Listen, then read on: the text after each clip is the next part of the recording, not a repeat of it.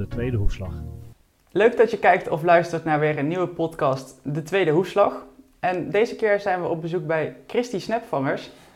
Christy, leuk dat we hier mogen zijn. Ja, leuk dat jullie wilden komen. Hoe is het met je? Goed, goed. Heel druk weekend achter de rug, maar uh, ja, wel echt uh, super gaaf. Ja, want je komt net van Horse Event, hè? Ja, klopt. Hoe was dat? Ja, het was echt gek huis. En alles, uh, alles was boven verwachting. Ik was daar drie jaar geleden als bezoeker. En nu ja, als toch een soort van ja, YouTuber, zeg maar. En mocht ik een show geven. En ja, continu druk in de fanshop. Zoveel fans ontmoet. Het was echt, echt, echt heel bijzonder. Cool, cool. Ja. Komen we zo meteen nog wel verder vast op te spreken. Um, Hoefslag heeft natuurlijk een heel breed publiek. Um, kun jij uitleggen aan deze paardenliefhebbers wie jij bent en wat je doet?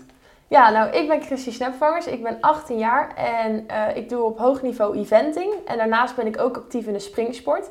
Uh, mijn opa fokt paarden, dus we doen alles met eigen fok. En dat maakt het wel heel bijzonder, echt een familiebedrijf. Um, uh, ja, ik heb nu vier keer mogen deelnemen aan de Europese kampioenschappen bij de junioren. En volgend jaar ga ik voor het eerste keer als jongrijder. Dus ja, mag het echte werk beginnen. cool, cool. Ja, want we zijn hier op jullie uh, bedrijf, um, maar je staat niet alleen maar paarden, hè? Nee, nee, klopt. Ik, wij hebben een melkveebedrijf thuis. Dus uh, dat is eigenlijk uh, waar het eigenlijk allemaal mee begon. En um, opa is toen van de boerderij afgegaan en die is toen gaan fokken. En papa en mama die zetten de, ja, de melk, melkveebedrijf verder. Ja. En wie weet dat ik het ga overnemen, maar dat is als ik een leuke boer tegenkom. Heb je ambities? ja, als, ik wil hier wel echt heel graag blijven wonen. Dus, um, maar ik kies wel iets meer de kant van de paarden. Ja. ja, want je zei straks al toen we hier even rondliepen van eigenlijk wil ik ook zo'n kamer met alle prijzen erop. en, uh... Ja, ik wil de stal helemaal uitbouwen. Ja. ja, dat er ook zo'n gave showroom komt en alles, maar daar moet je eerst heel hard voor werken. Ja. En opa zegt altijd tegen mij, het gaat erom wat in de stal staat en dat zijn de paarden. En daar heeft hij wel een punt. Ja, ja, ja mooi. Um, we zijn hier dus in Bergen op Zoom. Um, je doet veel eventing. Uh, we hebben al een beetje hier rondgekeken natuurlijk. En we zagen daar ook allemaal uh, hindernissen staan. Je hebt gewoon je eigen baan hier. Ja, klopt. We hebben een eigen crossterrein. En dat is echt uh, super tof, want het we hebben dat al best wel lang een bosje. Maar papa heeft het op een gegeven moment, zei hij, oké, jullie crossen er zo vaak, er is heel veel vraag naar. We gaan het helemaal anders aanpakken. En toen hebben we echt het hebben we eigenlijk een stuk weiland erbij gekregen. En uh, inmiddels is het zover dat ook zijn favoriete stukje hectare ook uh, door ons wordt overgenomen. En, en, we zijn nu bezig met een, tweede waterbak aanleggen. Dus uh, ja, dat groeit echt door. En dat is wel een hele luxe dat we zo'n gaaf crossterrein thuis hebben. Want heb ik nou goed begrepen dat jullie die hindernissen zelf gemaakt hebben? Ja, alle hindernissen zijn door opa, mijn andere opa. Dus mijn ene opa doet paardenfokken, andere opa doet hindernissen maken. Dus door mijn andere opa gemaakt en door papa zelf. Dus je kan denken aan hindernissen met trekkerbanden, maar ook wel hele mooie uh, hindernissen wat gemaakt is met hout. Echt wel, uh, echt wel heel gaaf. Er zijn denk ik veel mensen jaloers op. ja, ja, ja, ik ben ook wel gezegend dat ik gewoon een paar meter stap en alle jonge paarden daar kan opleiden. Dat is wel heel gaaf. Ja, ja in deze podcast uh, nemen we stelling. Dus ik heb wat stellingen voor je bedacht. Spannend. Ja, ja, ja. en de, de eerste stelling is, die sluit hier denk ik heel mooi bij aan. Familie is alles voor mij. Ja, ja, dat klopt. ja, ik heb, uh, ik heb, ze, zijn, ze steunen je altijd, want dat is wel met topsport. Je hebt echt wel hoogtepunten, maar ook wel vaak diepe dalen. En juist dan is het zo bijzonder. Mijn moeder is dan mijn coach, mijn groom, mijn vrachtwagenchauffeur, alles. Daar doe ik alles mee. Dan is het wel heel bijzonder dat je dat dan samen kan delen. Ook als het moeilijk is, maar ook als, natuurlijk, als we winnen. Dan, ja, dan, dan wil je dat niet alleen vieren, dan wil je dat samen vieren. En dat maakt onze band thuis wel heel sterk. Ja, ja, je noemt je moeder, je opa, dus de fokker van de, de paarden. Wat, wat doet hij allemaal? Uh, ja, hij is wel vooral veel thuis met de paarden en de veulens bezig. Hij is altijd bezig met, met nieuw hengsten bekijken, noem het maar op. Maar hij vindt het ook heel leuk om mij te komen aan te moedigen. Alleen is het zo dat als het ver weg is, dat doet hij nou niet meer. Omdat hij daar wel te oud voor is geworden. Maar hij kijkt elke vlog, want daar komen we misschien straks op, maar ik doe dus vloggen. Kijkt hij echt wel drie keer opnieuw. En dan zegt hij altijd, zo daar sprongt hij op die en is goed. Dus hij ziet alles, hij maakt alles mee. Ik bel hem continu als ik heb gereden. Hij leeft heel erg mee, maar nu wel iets meer dat hij gewoon thuis op zijn boerderijtje is, zeg ja, maar. Want uh, vertel eens, wie is je opa? Uh, mijn opa is Chris Snapvangers. Chris, kijk. ja. Want we hebben natuurlijk ook wat oudere luisteraars, die kennen hem uh, misschien. Ja. Um, wat is zijn, zijn visie op de fokkerij? In de zin van, wat, wat, wat voor paarden fokt hij voor jou? Uh, nou, hij fokt in principe was het eigenlijk vooral dressuur en springpaarden. En de laatste tijd um, probeert hij soms wel eens iets meer bloed erin te doen, dat het ook voor de eventing uh, gebruikt kan worden. En opa is altijd wel heel erg um, open voor om ook met nieuwe hengsten, jonge hengsten aan de slag te gaan. Hij gaat eigenlijk, ondanks dat hij oud is, heel erg met de tijd mee. Dus dat is wel, uh, wel heel bijzonder. En uh, ja, hij, hij, heeft ook wel echt zijn eigen visie en eigen mening. Als ik dan zeg, zou je daar niet eens mee dekken? Dan zegt hij, nee, Christy, dat past er totaal niet bij. Hij is echt wel, hij weet precies hoe hij het wil en wat hij wil. En uh, ja, ik denk dat dat hem wel sterk maakt. Probeer jij dat dan ook te leren? In de zin van als hij er misschien ooit niet meer is, dat jij dat dan kan gaan overnemen? Of zeg je van het is echt niet mijn ding? Ja, nee, dat proberen we zeker. Ik denk dat dan iets meer dat mama dan gaat overnemen. Omdat ik, op, dat zeg ik ook eerlijk, ik heb daar gewoon nog geen kennis in. En ik kan dat ook echt helemaal niet. Fokken is echt een apart vak. Maar we vragen het wel vaak aan hem. Alleen hij zegt altijd, dan zeggen we van zet het op papier. Hij zegt, dat kan je niet op papier zetten, dat zit in je kopie. Dus ja, dus we krijgen niet veel los, maar hij, hij neemt ons er zoveel mogelijk in mee. En uh, ja, als de lijntjes, we hebben natuurlijk mooie lijntjes thuis. Als we daar dan straks mee verder kunnen fokken, dan uh, blijft, uh, ja, blijft zijn fokkerij ook doorgroeien, zeg Ja, want kun je eens vertellen, wat heeft hij voor jou al gefokt? Waar je bijvoorbeeld echt heel blij mee bent? nou, één springpaard is wel echt op dit moment, dat is een Inspiration. Die is nu acht jaar en dat is, komt af van de Etilon. En dat is wel echt een heel gaaf springpaard. Daar rijdt nu 1,40 mee. En ik moet zeggen dat we daar op jonge leeftijd was het al moeilijk om hem te houden. En gek genoeg heeft opa dat wel gedaan, omdat hij nu ziet dat, ja, voor ik kan ook nou voor het eerst in springsport naar een hoger niveau. En ik vind dat wel heel vet dat opa dat voor mij heeft willen aanhouden. En nog steeds. Dus daar ben ik hem heel dankbaar voor. Dus dat is wel echt een, uh, een gaaf paard. En daarnaast heeft hij ooit diesel gefokt. Daar heb ik mee het EK uh, junior gereden en galante. Mm -hmm. Dus dat zijn ook wel uh, twee ja, eventing paarden die die al veel bewezen hebben. En Diesel heeft ook nog eens het WK jonge paarden gelopen. Dus dat zijn wel paarden waar hij trots op mag zijn. Maar ook paarden zoals dat bijvoorbeeld naar Piet Rijmakers is verkocht, Galetto. Um, en uh, Eurostar is een hele goede die uh, ja, weer naar het buitenland is gegaan. Dus ook paarden die ik niet meer rijd, die wel uh, ja, heel hoog in de sport lopen. Ja, je noemt al springer. Als mensen zitten te kijken of luisteren, zeggen ze van... hé, hey, maar Christy doet toch eventing? Ja, ja. Hoe zit dat? Ja, nou ik doe dus, de hoofd ligt echt op eventing. Dat, daar wil ik ook echt naar het aller, allerhoogste. Maar het springen vind ik ook zo leuk. En dat komt ook wel echt omdat opa hele goede springpaarden heb, heeft. Sorry. En dus dan, uh, ja, dan uh, krijg je toch snel van, ja, nou, nou win ik af en toe wel eens mee. Dan wordt het snel leuk, zeg maar. Ja. En nu begin ik ook wel echt ambities te krijgen, zo met een inspiration om wel naar het hogere te gaan in de springsport. Cool. Ja, heel cool. Een uh, veulentje fokken of aankopen? Uh, fokken. ja, 100%. Dat is echt uh, het, leuke wat ik dan bijvoorbeeld met opa merk. Is dan gaan we wel eens even naar, de, naar, het, naar het weiland en dan gaan we kijken. En dan zegt hij al, dat gaat een goede worden, Christy. En dan denk ik, hoe ziet hij dat nu al? En uiteindelijk gebeurt het ook zo. En, en bijvoorbeeld Korenbloem zei hij dat altijd bij. Dat is dan weer de dochter van Galante, mijn EK-paard. En dat, die, op jonge leeftijd zei hij altijd, dat wordt een bijzondere. En nu rij ik hem en hij is zo bijzonder. Zo, zoveel talent. En dan denk je, ja, hoe heeft hij dat nou al toen hij Veulen was gezien? En dat vind ik heel bijzonder. Weet je dan nu wat hij, wat hij zo speciaal maakt? Wat, wat, wat is dat dan? Ja, heel veel karakter heeft hij. Um, uh, ja, en heel veel kwaliteit en vermogen. Want uh, bij het crossen is het echt belangrijk dat je het gevoel hebt dat ze uh, altijd je kunnen redden. Of je nou dicht of groot zit, maar ook dat ze de rek hebben. Want er zijn veel sprongen waar je echt wel rek voor nodig hebt. En dat is wel iets wat, uh, wat die paarden echt hebben. Ja, ja. en um, aankopen, dat, uh, dat heb je natuurlijk ook wel eens gedaan, of niet? Ja, ik heb ooit uh, een TED aangekocht. Mm -hmm. En uh, ja, dat, is, dat, dat heeft ook goed uitgepakt. Goed uitgepakt?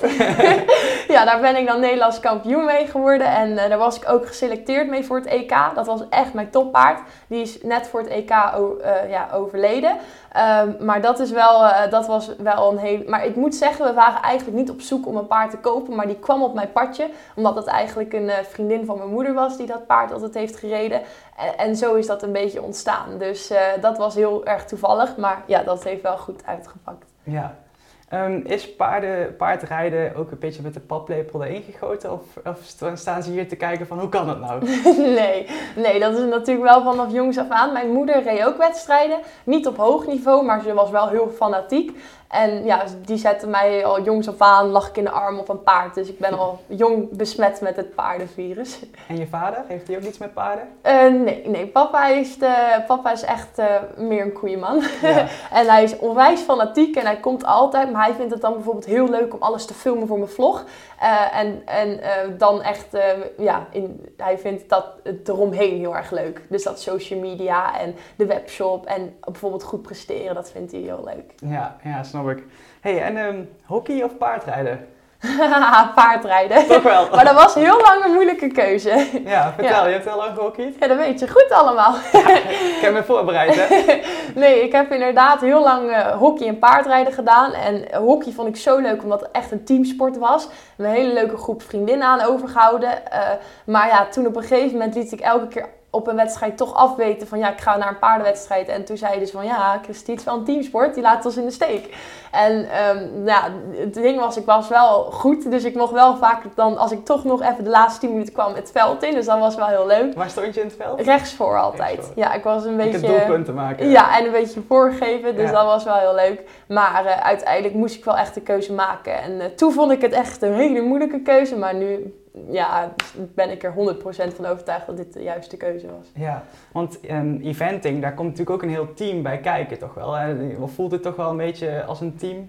Ja, ja, nee, inderdaad. Ik dacht dus altijd paardrijden, het wordt zo individueel. Maar we hebben, ik heb echt een heel mooi team, inderdaad. Als je dan uit zo'n cross komt, paarden moeten gelijk gekoeld worden, uh, gestapt. Ik ga vaak op de volgende. Er, er, zijn zoveel mensen dan bezig en dan doe je het echt samen. Dus. En ook als je de cross verkent, je, je moet een perfect plan hebben. Dat doe je met een coach en alles. Dus ja, dan voel je wel echt dat je niet alleen bent. Nee. nee. En natuurlijk je paard, dat is natuurlijk het uh, gaafste teammaatje. Want ik ben wel benieuwd, hoe kom je dan bij uh, eventing uit? Want het zullen niet heel veel uh, meisjes van jouw leeftijd hebben gekozen van nou ik ga eventing doen, of wel? Nee, nee, dat is echt gekomen door Jan van Beek. Uh, ik was eigenlijk gewoon een beetje dressuren springen. En toen mama, uh, mama's neef is Jan. En die zei van uh, laat Kirstie een keer meekomen voor een crosstraining. Dus toen ging ik mee. En ik had één crosstraining gehad en ik wilde echt niks meer anders. En um, Jan heeft mij toen al heel snel meegenomen van, nou, doe dit lijntje steeds iets moeilijker. Toen zei hij, ik denk dat je wel klaar bent voor internationaal. Ik zo, uh, wat? Ik ben 12. En, en zo begon dat. En toen op mijn dertiende reed ik mijn eerste EK. En dat komt echt wel omdat Jan van Beek mij eigenlijk gewoon op jonge leeftijd, niet gepusht, maar uh, zoveel heeft geleerd. Dat ik gewoon op jonge leeftijd al in één keer klaar was voor een EK. Dat was, uh, heb ik wel echt aan hem te danken. Ja, want Jan was ook jouw trainer, hè? Ja, klopt. Ja. ja. Ik had hem toevallig al opgeschreven voor de volgende stelling. zonder Jan van Beek zat ik hier niet. Ja, dat is 100% waar. Ja, dat klopt. Zonder Jan deed ik denk ik nooit eventing. En zonder Jan was ik ook niet in zo'n korte tijd op een hoog niveau gekomen. Want ik denk dat het heel moeilijk is om aan de top te komen. En dat heb ik dankzij Jan gekregen. Maar ik heb de laatste jaren ook gerealiseerd dat het heel moeilijk is om aan de top te blijven. En dat moet ik nu zelf gaan doen. Maar uh, ja, door hem heb ik wel een heel mooi opstapje gehad. Ja, ja, we praten helaas in de verleden tijd, want hij is er niet meer. Ja, um, 2018 overleden? Ja, ja, net voor het EK in Engeland is hij overleden. Ja, en, plotseling. Ja, ik was er eigenlijk uh, die week bij. Ik liep toen een week stage bij Jan. En toen, uh, toen zou hij mij training komen geven. En ik zat al op mijn paard en toen kwam hij niet. En toen uh, ja, kwam de trauma-helikopter en zo is het helemaal gegaan. En toen uiteindelijk is hij overleden. Heftig. Dus, ja, het was heel heftig. Ja. En dat op zo'n jonge leeftijd voor jou. Um, hoe heb je dat een plekje kunnen geven? Um, nou, het moeilijkste vond ik vooral is dat, dat mijn moeder ook zo heel verdrietig was. Want het was echt mama's allerbeste vriend. En altijd in de vrachtwagen belde ze over mijn planning dan voor wedstrijden. En mama en Jan waren echt twee handen op één buik. Dus daar heb ik vooral de meeste moeite mee gehad. En zo vaak als een jaar later nog steeds dat we dan uh, mama weer zei, oh ik mis hem zo. En dan gaat ze huilen en dan, ja, dan huil je mee. Ja. Dus dat was vooral het moeilijkste. Maar um, ja, het heeft wel even geduurd. Maar uiteindelijk eh, ben ik, Marcelle de Kam is mijn bondscoach geworden.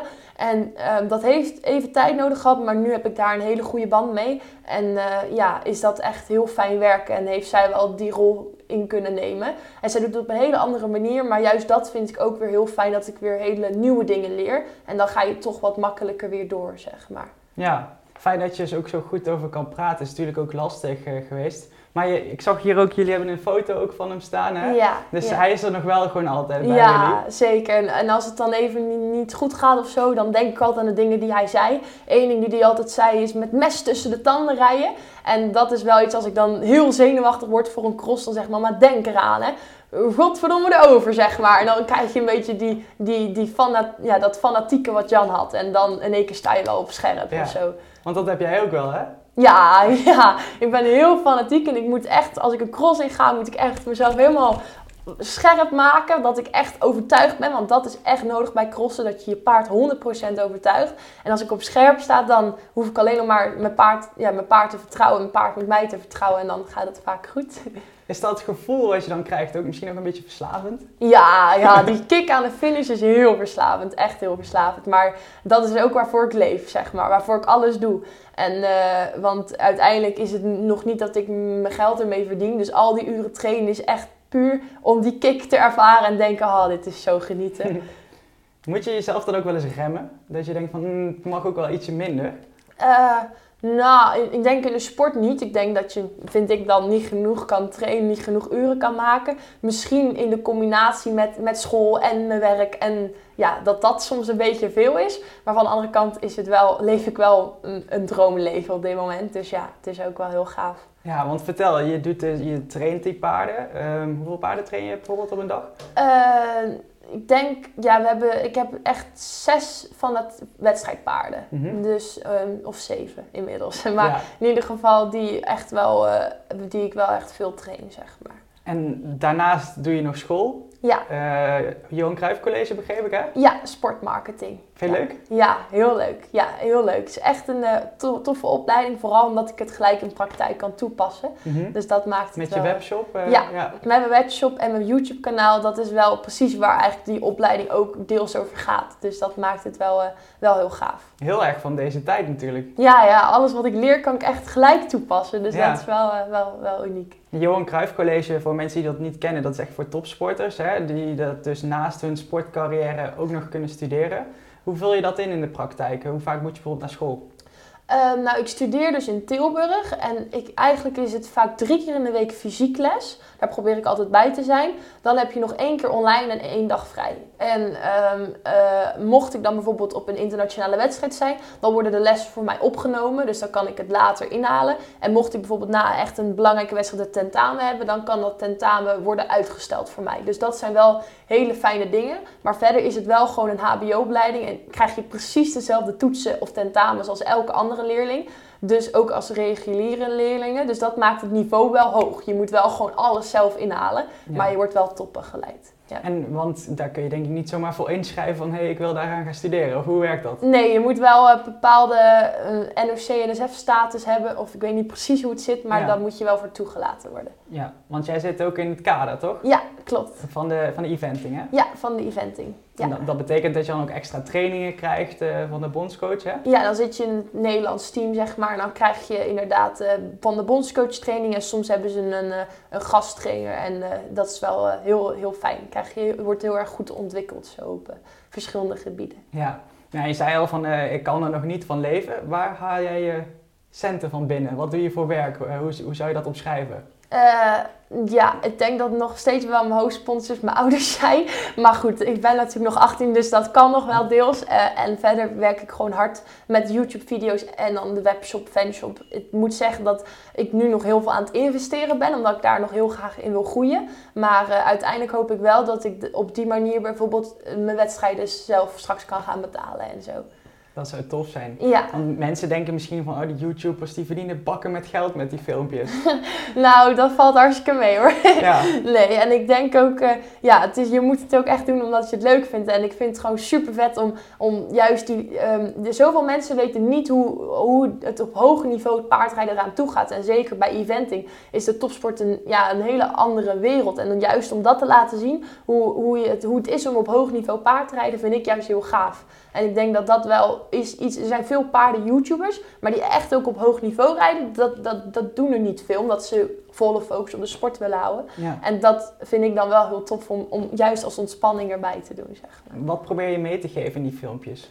Uh, nou, mijn hoofddoel is wel echt om ze mee te geven dat, dat ze, um, als ze een doel hebben, er gewoon voor moeten gaan. Ik had altijd als droom, dus zag ik altijd al die meiden naar een EK of, of noem maar op. En ik dacht altijd, oh, Nederlands kampioen worden, ja, dat, dat, dat, dat, dat gaat nooit lukken. Maar doordat ik er zo in ben gaan geloven en op zo'n NK, ik dacht gewoon van, mijn paard voelt goed, ik voel goed, de kans is klein, maar we gaan er gewoon voor. Werd ik in één keer kampioen. En, en dat zijn wel dingen die ik juist ook wil laten zien van, het kan, mij is het ook gewoon gelukt. Ik ben ook gewoon van ver gekomen. Dus als je in je dromen gelooft, uh, ja, kan er echt veel, veel meer ontstaan dan je soms zelf denkt. Ja, want vertel even wat je opa dan altijd zegt.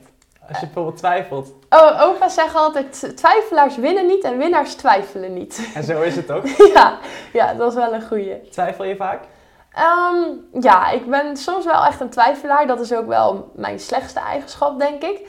Uh, ik zou soms wat zelfverzekerder mogen zijn. Als, in, als ik bijvoorbeeld op een grote wedstrijd ben, dan doe ik het nationaal al zo vaak goed. En dan staat precies hetzelfde parcours, bij wijze van spreken, op een grote wedstrijd. En dan één keer denk ik, oh, ja, nu moet het wel gebeuren. Uh, maar inmiddels heb ik daar wel steeds meer, meer mee leren omgaan. Hoe je met druk omgaat. En, en, en dat je jezelf gewoon rustig moet houden. En in jezelf en in je paard moet geloven. En, en ja, dat, dat gaat dus wel beter. Brengt social media misschien ook een beetje een druk of een twijfel mee? Dat je denkt van... Hmm, ik zie dat niet zo. Um, ik vind het soms wel, als ik dan bijvoorbeeld, toen ik op het EK viel, toen moest ik de camera pakken en dan tegen de camera zeggen, ja jongens, ik heb het verpest. Maar van de andere kant denk ik, um, ik mag ook heel vaak zeggen, jongens, het is gewoon gelukt. En juist doordat ik alles laat zien, blijven mensen je volgen. Omdat je toch puur bent. En ja, je deelt ook de, de downs, en, maar ook de ups. Dat maakt het denk ik wel speciaal. Dus ik vind het nooit erg om, om eigenlijk iets te delen dat het niet goed is gegaan. Omdat ik dan alleen maar denk, ja, dan weten mensen dat het wel echt is. Krijg je ook wel eens kritiek? Uh, ja, natuurlijk krijg ik wel eens kritiek. Ik moet zeggen dat het eigenlijk nu wel echt heel, heel weinig is. Maar eigenlijk... Afkloppen. Ja, heel blij mee dat ze zo lief zijn. Maar aan het begin wel bijvoorbeeld. Maar, um, en is dat dan op de manier van rijden? Of? Uh, nee, dat eigenlijk niet meer om je filmpjes of zo. dat ah, ze er een beetje lachen. Maar als ik nu mijn eerste vlogs terugkijk, denk ik ook... Oh, weet je wel, dat is echt... Uh, dat, dat, dat is ook hartstikke gênant. Maar goed, uiteindelijk is dat wel... ja, ben je daardoor wel hier gekomen. Ja, want wij merken dat natuurlijk bij Hoefslag ook onder bepaalde berichten dat mensen bijvoorbeeld toch wel kritiek hebben op hoe mensen rijden of wat dan ook. Ja. En heb jij daar gelukkig geen last van? Nee, moet ik zeggen, heb ik geen last van. Maar ik, ik, ik vind het ook echt belangrijk dat, ja, dat mensen respect hebben voor paarden. En dat je dat ook echt laat zien dat je moet echt een team zijn samen. En anders, als, je, als het een het niet wil, dan heeft het geen zin. En dat probeer ik ook echt op mijn social media te laten zien. En zo is het ook gewoon hoe het gaat. Dus ik denk dat daarom er ook geen reden is om kritiek te hebben, denk ik. Nee, en hoor je misschien wel eens van buitenstaanders, als je dan vertelt van oh, ik doe eventing en dan bijvoorbeeld zo'n cross-country, van mm, is dat wel goed voor een paard of is dat wel uh, diervriendelijk? Um, ja, dat hoor je wel eens. En dan kan ik het op zich ook altijd wel goed onderbouwen met dat de hindernissen van tegenwoordig heel veilig zijn gemaakt. We hebben allemaal breekbomen, dus mocht, uh, het zijn nog steeds natuurlijke hindernissen, maar er zit allemaal veiligheid op nu. En dat is denk ik wel ja, er zijn zoveel vernieuwingen dat ik denk dat cross-country net zoveel risico is als een andere sport. En tuurlijk is het, ja, de vallen zien er soms wat spectaculairder uit. Maar uh, de kick en het gevoel van een paard is ook veel gaver. Uh, de paarden moeten het echt zo leuk vinden om dit te doen. Anders dan gaat het niet goed. En als ze dan aan de finish zijn, dan zie je ook gewoon, ja, dit, dit is echt een crosspaard. Die vindt dit zo leuk om te doen. Ja, ja, want in Tokio bij de Olympische Spelen was natuurlijk een paard dan uiteindelijk overleden. Die, eh, die heeft het uh, na een val. Zeggen mensen bijvoorbeeld te mij dat je hockeyteam niet van... Hé hey Christy, wat is dit? Uh, hoe kan dit nou? Ja, op zich heb ik dat niet zo ervaren. Dus um, nee, dat heb ik niet zo ervaren. Dat het dan naar mij gevraagd werd. Maar ik snap wel dat dat soms gezegd kan worden. maar ik, ja, ik denk dat wij inmiddels heel goed de paarden kunnen managen. Dat het ja, niet meer risico is dan een andere discipline. Voel jij misschien ook een beetje vanuit jou met je social media en je best wel bereik ook dat je een beetje misschien daarvoor het hele verhaal moet vertellen? Of ja, moet klinkt meteen zo, zwaar, maar dat je bijvoorbeeld die verantwoordelijkheid een beetje voelt om te vertellen hoe het eraan toe gaat in de paardensport. Ja, dat denk ik wel. Ja, ik denk inmiddels wel dat uh, dat, dat bereik groeit natuurlijk. Dus ik denk ook wel dat je een, functie krijgt dat je moet laten zien uh, wat, wat nou precies mijn sport inhoudt. En inderdaad wat voor verbeteringen we de sport krijgt. Ik denk wel dat ik daar ook een groot, uh, ja, groot hoe zeg je dat? Ehm, ik, heb daar, ik heb een groot bereik, dus daar kan ik ook de sport mee helpen om mm -hmm. dat juist te laten zien. Ja. Ik ben heel benieuwd naar dit antwoord. Boekelo of badminton? Oh, nou, ik moet je eerlijk zeggen dat ik Boekelo ga kiezen. Omdat um, ik heb dus, ja, mij lijkt het gewoon zo gaaf om in een thuisland te rijden. Omdat ik dan weet dat er zoveel familie en vrienden en zoveel, ja, eigenlijk Hollanders gaan komen kijken. Dat lijkt me enorm gaaf. En omdat um, ik Boekelo meer als een doel zie. En badminton is echt nog ver weg een droom. Ja. Dus als ik nu moet kiezen, ben ik ook nog lang niet klaar voor badminton. En Boekelo begin ik wel langzaam dat ik denk, nou, daar zou ik wel, ja, zou ik wel eens heen willen. Dus dan staat dat nu dichter bij me. Hoe reëel is het, Boekelo? Nou, dat is wel echt het doel. En ik denk wel, ik zeg niet dat het volgend jaar lukt, maar in een paar jaar wil ik daar wel echt rijden. En dan op het allerhoogste niveau meedoen? Ja, zeker. Ik ga er niet heen om daar twee hindernissen en dan rijden. Nee, ik ga er ook, dat zeg ik ook altijd. Veel mensen zeggen, ja, ik wil daar echt als ik uh, super jong ben rijden. Ik zeg altijd, nou, ik wil er rijden als ik er klaar voor ben. Want ik zou het heel erg vinden als ik daar wel start ga en dan het gelijk uh, ja, niet, eigenlijk nog niet klaar voor was. Dus ik ga er echt pas heen als ik er klaar voor ben. Maar dat doen we ook wel heel snel bereiken. Ja, ja cool. En badminton uh, over 20, 30 jaar of zo hoor. Die, die staat zeker wel op het lijstje. Met welk paard zou dat dan zijn, Boekelo? Um, nou, op dit moment uh, is Milschims Galante mijn toppaard. Dus ik denk, dat, uh, ik denk dat zij echt wel de kwaliteit en het vermogen ervoor heeft. Maar haar dochter Korenbloem is denk ik nog beter. Alleen die heeft soms wat karakter. En dat zit soms nog in de weg. Ja. Dus als, de, als ik hem voor me kan winnen, dan denk ik dat die nog iets beter gaat zijn. Hoe uitzicht dat dan, dat karakter? Nou, mij eraf gooien. dat hoort niet. Nee, nee. Die heeft echt, uh, ja, die gaat net zo lang door tot hij wint.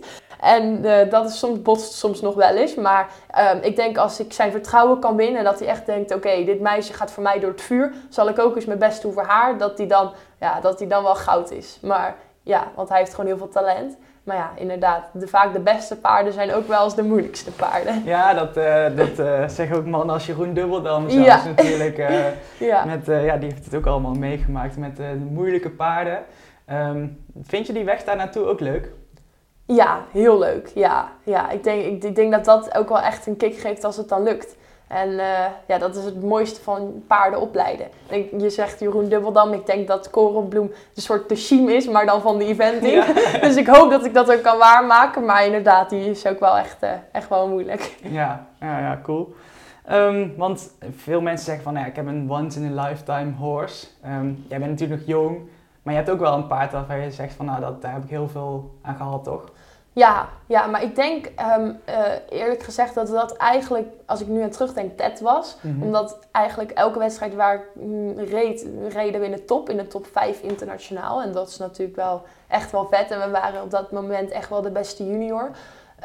Um, dus dat was wel ja, een once in a lifetime horse. Maar ik denk met de fokkerij van opa dat ik, dat ik, ja, dat ik nu nog niet zoiets heb van nou dit was het. Ik denk dat er nog, nog wel beter aan kunnen komen. Ja, want wat maakt de TED dan zo speciaal? Want dat is natuurlijk wel waar jij ook wel veel aan te danken hebt, of niet? Ja, ja. ja het, speciale aan TED was dat ik um, door TED heel veel vertrouwen had. Dus ik twijfelde zelf ook nooit. En ik was wel zenuwachtig, maar op een, gegeven, op een of andere manier lukte het elke keer weer. En dan ga je in zo'n flow en ja, dan win je, win je en win je. En dat maakt het, maakt het zo gaaf, zeg maar. Of tenminste, dan win je, dan, dan, dan presteer je zo goed. En dat is wel uh, een kick. Ja, uiteindelijk uh, heeft hij blessure gekregen, toch? Ja, hij heeft een blessure gekregen en toen is, uh, is, zijn er wat complicaties ontstaan en daar is hij aan overleden. Um, dat, was, uh, had, ja, dat was echt, dat hadden we nooit verwacht en dat was echt zoveel pech. Maar ja, dat, dat, dat kunnen, kunnen wij niks aan doen, dus dat is wel ja, wel heel jammer. Je hebt al heel wat meegemaakt in je jonge leeftijd, of niet? Ja, klopt. Ja, ik heb al wel wat, uh, wat meegemaakt. Maar ik zeg ook altijd zo, mijn leven is nooit saai geweest. En ik heb ook heel veel gave dingen meegemaakt. En dit zijn wel de dingen die horen er gewoon bij. Ja, ja. Tuurlijk, en daar leer je van, daar word je misschien alleen maar sterker van, al voelt dat misschien op dat moment niet zo. Nee, op dat moment denk je, ja, ik had toch liever nog een paar jaar met Ted gereden, maar dat is wel iets wat uiteindelijk je denk wel inderdaad sterker maakt. Ja, uiteindelijk zeg je dus van, nou, Boekelo, dat is, uh, dat is mijn droom, uh, wat, wat misschien ook wel realistisch is. Als ik hem dan eentje verder uh, trek, Olympische Spelen, eventing of springen? eventing. Ja. ja, nee, dat is ook zeker wel een door. De Olympische Spelen, dat lijkt me zo gaaf. En zeker lijkt me dat ook heel vet om dan juist, um, veel mensen zeggen dan ja, op zo'n Spelen, dan, uh, dan ga je niet kunnen vloggen. Maar juist lijkt me dan ook vet om aan al mijn volgers te laten zien die me al jaren hebben gesteund van hoe gaat het er nou aan toe op zo'n Spelen. Ja. Dus ik hoop dat ik die content ooit mag gaan maken. Maar ja, mijn droom is natuurlijk daar gewoon... Uh, daar gewoon een keer gaan staan en presteren. Maar um, springen lijkt me ook wel heel gaaf om wat hoger te doen. Maar ik denk dat daar de Spelen iets onrealistischer is. Ja, want je hebt uh, daarin je internationale debuut ook gemaakt, hè? Ja, springen. klopt. Ja, ja, ik had op dit moment uh, dit jaar echt een hele leuke zesjarige. Die liep toen ook een paar keer goed in de prijzen. En Inspiration uh, dan bij de junioren, um, de, het NK junioren meegereden. Dat was behoorlijk hoog voor mij, omdat dat echt nieuw was. Maar wel een super gave ervaring. En wel iets wat ik hopelijk in de jongrijders ook nog een keer mag doen. Cool. En um, uh, als je dan kijkt naar de eventing, hoe Nederland op dit moment doet, volg je dat ook een beetje? Of uh, ben je echt alleen maar met jezelf en de nee, wedstrijd bezig? Nee, ik volg, ik volg anderen natuurlijk ook. Ja, supergoed. En waar, waar let je dan op? Uh, heb je bijvoorbeeld voorbeelden, idolen? Um, ja, ik, ik vind het. Uh, ik heb vooral. Mijn voorbeeld is echt wel Michael Joen mm -hmm. van Duitsland. Omdat ik het zo gaaf vind dat hij het gewoon elke keer weer flikt. En dat is een soort van wat ik dan met Ted ervaarde, een flow waar hij gewoon niet uitkomt. Dat vind ik zo gaaf. Dus dat is vooral mijn inspiratie. Cool. Ja. En um, uh, Nederland uh, is natuurlijk aan, ja, best wel een beetje aan het struggelen om die, die, die Olympische status uh, te kunnen halen met het ja. team en, en et cetera. Um, denk je dat er in Nederland bijvoorbeeld iets moet gebeuren om de eventing nog hoger op de kaart te zetten? Um, ja, ik denk op zich dat we het wel heel, heel goed aanpakken. We, we werken met hartslagmeters. Ik denk echt wel dat er al uh, heel veel gebeurt. Ik, ik, merk wel dat er steeds meer technieken vanuit andere landen ook naar Nederland worden gehaald.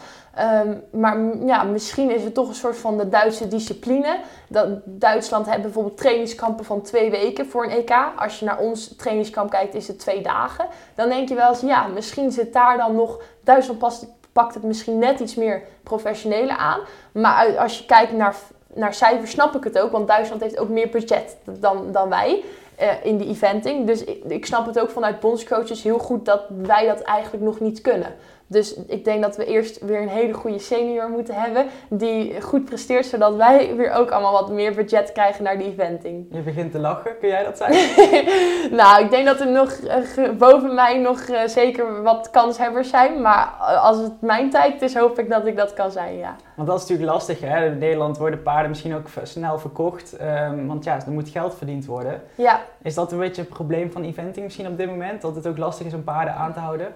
Mm, op, dat, dat durf ik niet te zeggen dat dat het probleem is. Ik zag laatst weer iets voorbij komen dat Sanne de Jong haar paard NOP is. Dus ja. ik denk op zich dat dat, dat, dat niet per se is. Maar um, ja, ja, ja ik, zou, ik weet niet precies wat de reden is. Maar ik hoop inderdaad dat we binnenkort wel, uh, wel weer echt kunnen gaan knallen. En, uh, dat ik het over een paar, paar jaren mag gaan proberen. Want hoe is dat bij jou geregeld? Uh, van, van wie zijn de paarden? Zijn die van jouw opa of zijn die van jou? Of hoe doen jullie dat? Want op een gegeven moment moet er misschien ook een paard verkocht worden, of niet? Ja, ja dat klopt. Uh, opa, de paarden zijn van opa. Um, nou zit, uh, mama doet natuurlijk alles eromheen. Dus um, ja, ik heb eigenlijk, zit er eigenlijk niet echt in. Ik denk dat opa en mama dat altijd heel goed regelen samen.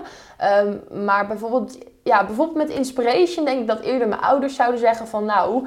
Uh, Christine, dat is serieus geld, zullen we hem niet wegdoen? Dan zegt opa, nee, nee. Dus ik denk dat ik heel gezegend ben met opa, dat die juist mij echt de kansen wil geven om naar het hoge niveau te groeien. En uh, ja, zolang dat, ja, zolang, ik denk dat we elkaar gewoon vertrouwen en dat is gewoon het belangrijkste. En uit, uit, uiteraard hebben moeten we dit jaar ook weer een keer één verkopen, maar ik vind het ook niet erg, want ja, ik vind zes wel echt de max, zeg maar. En daardoor kan ik ook weer een nieuw leuk paard op gaan leiden. En ik, als ik uiteindelijk denk dat die niet, ja, niet de top gaat bereiken of, of dat het niet helemaal bij mij past, dan vind ik het alleen maar leuk om hem te verkopen, dat ik daarvoor weer een nieuwe topper kan opleiden. Wat zijn je doelen voor bijvoorbeeld dit jaar en de komende jaren? Uh, nou, sowieso nog mijn jeugdjaren, zeg maar, bij de jongrijders nog het EK-eventing te rijden natuurlijk. En het, mijn allergrootste droom is wel om een keer een EK-medaille te winnen. Dus daar gaan we wel heel hard voor werken. En dan ja, daarna wel snel aansluiting vinden om, om bij de senioren van start te gaan. En natuurlijk richting Military Boekelo. Ehm, en, uh, maar ik denk ook dat ik het echt heel tof ga vinden om uh, met, met, met, met wat springpaarden door te groeien en daar ook ervaring op te doen. En dan uh, zeker ook ja, richting jongrijders te denken. Want je noemde net de stap naar de senioren. Is dat een grote stap? Ja, ja, ja. Nee, het is, ik heb het natuurlijk nog niet ervaren, maar ik zie dat dan. Hoe, hoe, vaak, hoe, hoe moeilijk het is om aansluiting te krijgen daarbij. Dus ik denk dat dat een serieuze stap is, maar daar ben ik me ook van bewust. Dus ik weet ook hoe hard ik daar nog voor moet trainen. En ik denk wel dat, dat ik de paarden zou hebben en ik denk ook wel dat ik, ik het zou kunnen. Dus uh, dat is wel waar we voor we gaan. Heb je ook contact met senioren ruiters? Van uh, hoe doen jullie dit of hoe doen jullie dat? Um, ja, op zich wel, maar ik heb daar nog niet zo heel veel contact in gehad. Uh, omdat ik nu nog echt bij mijn, bij mijn jeugdjaren zit. Dus ik denk dat dat later gaat komen. Mm -hmm. Maar ik heb inderdaad, eh, bijvoorbeeld vanuit het kaarden krijgen we wel eens les van Merel Blom. Ik heb wel eens uh, training gehad van Tim Lips. En dat zijn wel, ja, dat zijn wel Die namen. kunnen wel wat. Ja, die kunnen wel wat. Dus dat was natuurlijk, uh, dat, daar leer je hartstikke veel van. Ja, tof. En um, ja, je doet nu ook de opleiding. Um, ja, het is natuurlijk een gemene vraag, dus ik bedoel met een knipoog. Maar wat wil je later worden? ja, ik wil natuurlijk heel actief uh, aan de slag als, uh, in de paardensport. Maar um, ja, ik, um, ja, dat is natuurlijk het hoofddoel. Maar ik vind het, het, wat, er, wat ik erbij doe met de fanshop en het vloggen, vind ik echt heel leuk. En daar wil ik ook nog wel echt in verder. Hoe zie je die toekomst dan van het social media? Denk je dat je dat kan blijven combineren? Ja, ik heb gewoon altijd wel een duidelijke visie van de sport staat voorop. En um, het is natuurlijk maar net hoeveel tijd je er zelf naast in wil steken. Kijk, sommige mensen zeggen, ik heb er geen tijd voor, maar ik, ik, ik doe het als ik onderweg ben naar huis in de vrachtwagen. Um, ik, ik doe het op zoveel momenten dat sommige mensen misschien slapen of zo. Dus, dus, of, of even op een telefoon zitten. Dus ja, het is maar net hoe, hoe graag je het zelf wilt. En dan denk ik dat het goed te combineren is. Um, en ja, het is gewoon een, echt heel leuk om te doen. Dus dan... Uh, is het ook makkelijk om vol te houden. Ik moet zeggen, ik ben geen volger, maar ik heb wel wat filmpjes zitten kijken. En dan zag ik ook dat je samen met, met je opa in de, in de vracht of in de, in de jeep zit. En dan zitten jullie samen te praten en dan vertelt hij jou dingetjes superleuk. Maar op een gegeven moment zag ik ook een schaatster voorbij komen. Antoinette de Jong. Ja, klopt. Ja, het was heel toevallig, want Antoinette volgde mij eigenlijk. En die had, uh, ik doe dan ook sporten, omdat je als eventingruiter ook heel fit moet zijn. Dus ik ga ook naar de sportschool of ik loop eigenlijk uh, bij Stimulus. En daar mm. trainen meerdere topsporters. En toen uh, stond er op mijn schema dat ik schaatssprongen moest doen. Dus ik deed die. En toen had ik het op Insta gezet. En toen zei Antoinette, nou, dat kan beter. En toen zei ik, ik wil wel een training van de expert. En toen zei Antoinette, dat kunnen we regelen. Oh, dus toen dacht ik, wow. Dus uh, en ik wist ook helemaal niet dat ze me eigenlijk volgde. Maar Antoinette heeft dan ook een passie voor paarden. Dus dat was wel super tof. Dus toen hebben we eigenlijk afgesproken. En ja, daar heb ik zoveel van geleerd. was zo gaaf. En toen ben ik daarna een keer naar een schaatswedstrijd komen kijken. En nu hebben we heel veel contact. Dus dat is super leuk om ook met iemand eigenlijk van een andere sport... Uh, die ook hetzelfde leven een beetje heeft, om daar ja, over te praten en contact te hebben. Want die maakt ook heel wat mee. Dus dat was, was heel leuk, is echt heel leuk. Kun je veel van leren dan? Ja, kan je heel veel van leren, klopt. Ja, want um, je zegt sporten is heel belangrijk. Um, wat, wat doe je precies? Uh, nou, ik zorg, ik doe conditietraining. Dus een, cross is, gaat richting de 8, 9 minuten. Mm -hmm. Als je nog hoger rijdt, nog langer. Dus je, en dan moet je je voorstellen dat je in zo'n squat staat. Dus dan moet je echt wel ja. serieuze uh, conditie hebben. En ik doe daarna ook veel trainen voor mijn balans. Omdat ik daar nog steeds heel veel in kan halen en leren. Ik heb, ben natuurlijk best wel lang. En ik heb best wel even moeite gehad dat ik zo lang werd met mijn balans op mijn paard. Dus daardoor train ik daarvoor. En daarnaast heb ik dan een uh, scoliose in mijn rug. Dus daarvoor moet ik wel ook oefeningen doen om pijnvrij te kunnen sporten, zeg maar. Daar heb je last van? Ja, ja ik heb toen ik twee, in 2017 werd er ontdekt dat ik scoliose had. Toen heb ik heel lang een corset moeten dragen. En um, nu kan ik het met sportoefeningen de pijn onderdrukken, zeg maar. Uh, dus dat is wel belangrijk om die oefeningen te blijven doen. Anders krijg ik snel wel weer wat last in mijn rug als ik aan het crossen ben. Nu ben ik geen dokter, maar volgens mij moet je daar ook wel op tijd bij zijn, of niet? Ja, klopt. Ja, ik, ik was toen ehm, net voor het EK, toen werd mijn rug gemasseerd omdat ik een beetje stress had. Dus ik zat een beetje vast. En toen zei, kwam, zei die van, volgens mij klopt er iets niet. En toen heb ik een foto laten maken. Toen kwamen ze erachter.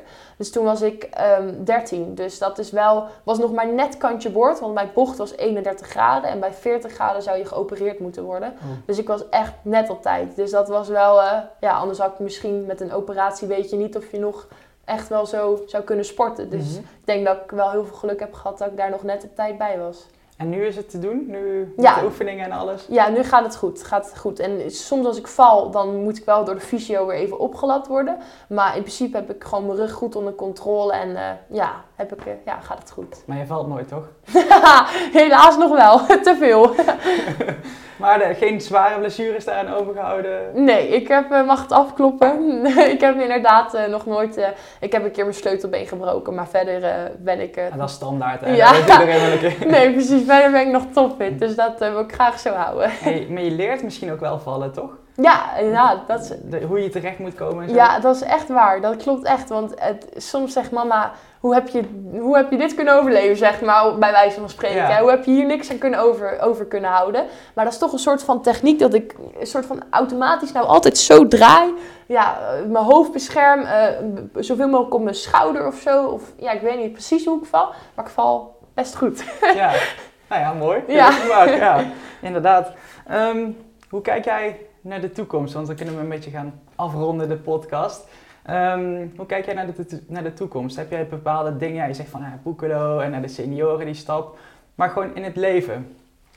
Eh, nou, ik, eh, ja, ik weet natuurlijk niet wat ik allemaal tegen ga komen. Maar ik denk wel dat ik het ook. Ik, eh, ik vind het ook heel leuk om af en toe zo'n schuurfeest mee te pakken. Ik zit dan ook bij de KPJ. de- dus dat vind ik wel. Hoop ik ook wel. Als, Wat is dat? ja, dat, dat is eigenlijk. Er zitten veel eh plattelandsjongeren, zeg maar. En ja, dat is wel eh, een hele leuke groep mensen. En die gaan heel vaak op pad. En dat, dat leven kan ik natuurlijk als topsporter niet. Maar als ik dan bijvoorbeeld een weekendje vrij ben, dan vind ik het zo leuk om gewoon een beetje te stampen in de tent. En gewoon een beetje, ja, gewoon een beetje, een beetje lol te hebben. Dus en dat, een ganja drinken.